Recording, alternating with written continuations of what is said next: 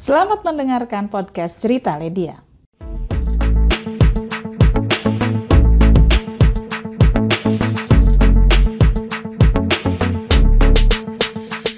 Assalamualaikum warahmatullahi wabarakatuh. Apa kabar semua? Damang sadaya? Alhamdulillah. Mudah-mudahan semua dalam keadaan sehat, berbahagia, senang hati. Wah, pokoknya mah mantep lah insya Allah. Hari ini mah kita mau ngobrol soal pariwisata ramah muslim atau sebelumnya dikenal sebagai pariwisata halal. Ada juga yang menyebut yang eh, apa namanya pariwisata ramah keluarga, ada yang menyebut pariwisata syariah. Jadi sebenarnya apa sih? Nggak usah bingung, ini mas sebetulnya sama. Jadi konsep yang ada di Indonesia, pariwisata ramah muslim atau pariwisata halal atau pariwisata syariah atau pariwisata uh, ramah keluarga, sebetulnya konteksnya adalah uh, extended services. Jadi set of extended services. Jadi ada perangkat seperangkat uh, pelayanan tambahan yang memang diperlukan untuk uh, para wisatawan muslim yang membuat para wisatawan muslim itu nyaman, betah, anteng, tah kira-kira gitulahnya di di Indonesia ketika dia berwisata. Kebayang gak sih kalau kita datang ya ke satu tempat gitu, terus oh, udahlah, uh pemandangannya bagus, ih keren. Tapi orang teh gurung gusuh karena nggak ada tempat sholatnya. Terus gurung gusuh karena makanannya aduh nggak jelas gitu kan ya. Jadi akhirnya tidak bisa berlama-lama di sana. Kalau lama-lama di sana tuh biasanya suka tergoda, ada souvenir dibeli, ada oleh-oleh dibeli dan lain sebagainya. Jadi ketika kemudian kita bicara extended services ini ada beberapa yang perlu diperhatikan. Satu, ketersediaan air bersih. Untuk apa? Untuk istinja kalau ke kamar mandi gitu ya. Berarti kan toiletnya juga kudu bersih ya, ya masuk ke kamar mandi, api kerujit gitu kan tekabita orang deh ya. Uh, terus uh, kita juga itu untuk wudhu. Nah, jadi kan air untuk istinja, air untuk wudhu. Nah, yang kedua adalah tempat sholat yang ada di destinasi wisata. Bandingan gini aja deh, kalau mall atau pusat perbelanjaan yang ada tempat sholatnya, apalagi enak, sejuk, bersih, pasti kita betah. Dulu kan ketika belum musim, dulu mah kalau yang namanya uh, musolatnya adanya di basement, udah di pojok, udah meni bau, meni engap gitu ya. Uh, padahal uh, sholat kan wajib. Gitu. Nah, ketika kita sedang punya keperluan ke mall misalnya mau belanja, kepotong waktu sholat, pasti kita akan segera pulang dan nggak akan balik lagi. Udah, udah sampai rumah ngapain balik deh gitu kan. Nah, jadi Salah satu kemudahannya adalah dengan tadi tempat sholat sama di destinasi wisata juga begitu. Kita teh kalau ada tempat sholatnya masih bisa menikmati, masih bisa ber katakanlah apalagi kalau dengan keluarga ya masih bisa bercengkrama dengan keluarga atau kalau yang mau keliling-keliling lihat souvenir oleh-oleh dan lain sebagainya eksplorasi destinasi wisatanya menjadi lebih uh, leluasa. Yang ketiga, kita tuh perlu di tempat-tempat menginapnya ada e, tempat sholat atau kalaupun di kamar ada arah penunjuk sholat. Kan ada yang bilang gini, udah biasanya di hotel di Indonesia mah ada, mau hotel bintang apa juga ada gitu. Iya betul. Itu adalah extended services. Jadi jangan berpikir bahwa pariwisata ramah muslim itu harus mulai dari nol lagi riweh gitu. Enggak, dan memang udah ada. Ini extended services namanya gitu ya. Kemudian kalau kamarnya kecil-kecil yang misalnya hotel budget sediain aja satu musola tempat sholatnya jadi bisa sholat di situ kayaknya uh, yang kita nggak memungkinkan misalnya bakat kuherin misalnya kecil karena budget hotel budget misalnya itu kalau disiap disiapin tempat sholatnya kan juga lebih memudahkan nggak bikin repot juga hotelnya tapi sudah ada gitu. kemudian kepastian tentang makanan halal uh, kita lagi jalan-jalan terus mikir kan di situ ih makanannya ternyata tidak halal kan itu teh halal Nah, kalau ada mas makanan yang halal itu akan membuat um, makin betah. Long of length of stay. Kalau pariwisata tuh ukurannya berapa lama dia tinggal. Length of stay-nya jadi lebih lama. Nah, tinggal di sana jadi nggak buru-buru pulang karena dia nyaman. Kalau katakanlah gini, kalau ada orang yang karena kerja kebetulan datang ke satu tempat destinasi wisata, biasanya dia melebihkan waktu ya untuk melihat-lihat sekalian wisata. Jadi lebih betah nggak cuma bis datang kerja langsung pulang bak karena ah nggak nyaman ah makannya susah gitu misalnya. Jadi kita benar-benar harus menyiapkan memastikan bahwa tersedia.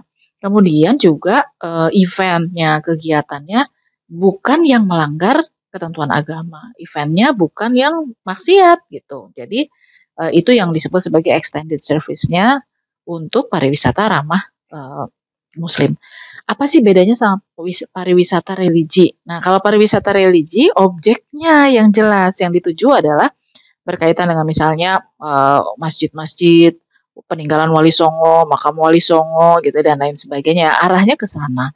Sementara kalau pariwisata muslim itu sebenarnya skupnya lebih luas, cakupannya lebih luas. Karena cakupannya lebih luas, sebenarnya wisata religi bisa masuk di dalamnya sebagai bagian dari paket. Nah, jadi paket kunjungannya. Nah, dengan demikian uh, ada banyak pilihan dan semakin banyak wisatawan muslim yang datang ke Indonesia dan itu sama juga dengan menambah devisa. Ini salah satu keuntungan yang paling besar ya mungkin gini, ih kok nggak ideologis banget sih? Ini bagian dari upaya kita untuk membumikan nilai-nilai dalam bentuk uh, pariwisata ini, dalam sektor pariwisata ini, memudahkan sebetulnya memudahkan orang untuk uh, pergi berwisata, mendekatkan diri kepada Allah dengan kekuasaan dan ke apa kekuasaan Allah yang begitu besar, dan kemudian uh, mereka bisa menikmati dengan tanpa melanggar ketentuan agama. Kan keren tuh kalau kayak gitu. Dan yang didatengin dapat devisanya. Luar biasa kan? Itu yang kita inginkan. Nah, mudah-mudahan dengan perjalanan-perjalanan yang lebih uh, apa namanya lebih terjaga itu akan membuat kita jadi lebih uh, betah gitu ya, betah berwisata. Bukan berarti nggak pulang-pulang, tetap pulang sih. Tapi artinya ada kenikmatan-kenikmatan uh, duniawi yang juga bisa membuat kita dekat sama Allah makin tersiapkan.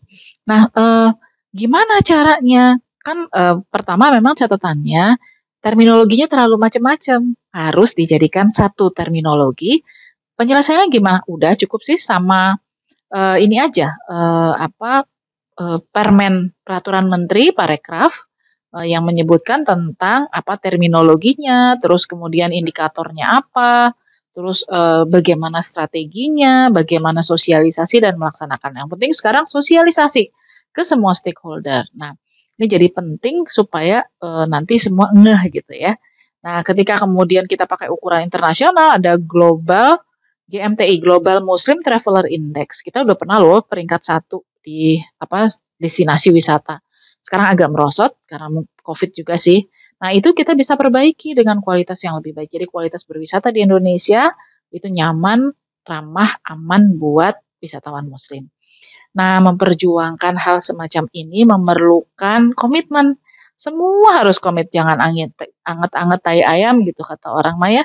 Sekarang komitmen semangat Fatima, besoknya enggak, enggak bisa, harus komit semuanya. Ya udah itu mah urusan Kementerian Pariwisata aja lagi kita enggak gitu. Nah, tetap ekonomi kreatifnya, pariwisatanya, UMKM-nya, kooperasinya, perdagangannya, imigrasinya, Kementerian Luar Negerinya, eh, termasuk juga sektor perbankannya, mestinya komit semuanya. Kedua, konsisten. Nah, konsistensi ini loh yang paling susah eh, karenanya memang memerlukan ada yang mengingatkan terus-menerus saling mengingatkan. Oh iya, ternyata yang ini kita abai, yang ini harusnya diterusin misalnya. Terakhir ada daya tahan endurance. Kenapa?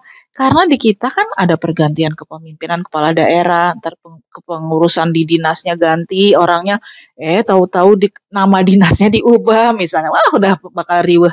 Kalau kita nggak punya daya tahan, kalau kita nggak punya endurance, kita nyerah begitu saja. Padahal kita tetap harus sosialisasi kepada orang yang mungkin baru mendengar terminologi itu, baru tahu, baru ngerti, ya udah dijelasin lagi. Kita ngerasa gini, ah kita udah kayak kaset. Oh, kaset mah zaman bahula pisan ya. Kaset muter terus-terus gitu ya nggak diputer ceklek we bunyinya sama gitu. Atau tinggal puterin aja YouTube yang ada di link nah etak gitu misalnya ya.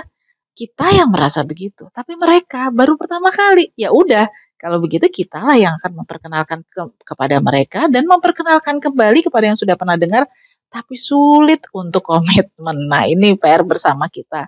Mudah-mudahan kita bisa menjadi orang-orang yang komit konsisten dan punya daya tahan untuk memperjuangkan pariwisata ramah muslim di Indonesia karena kita menginginkan kemajuan bagi pariwisata Indonesia, mendatangkan devisa yang baik dan mengembalikan pariwisata sebagai salah satu tulang punggung bagi kebangkitan ekonomi Indonesia. Aku kauli hadza astagfirullahaladzim Assalamualaikum warahmatullahi wabarakatuh.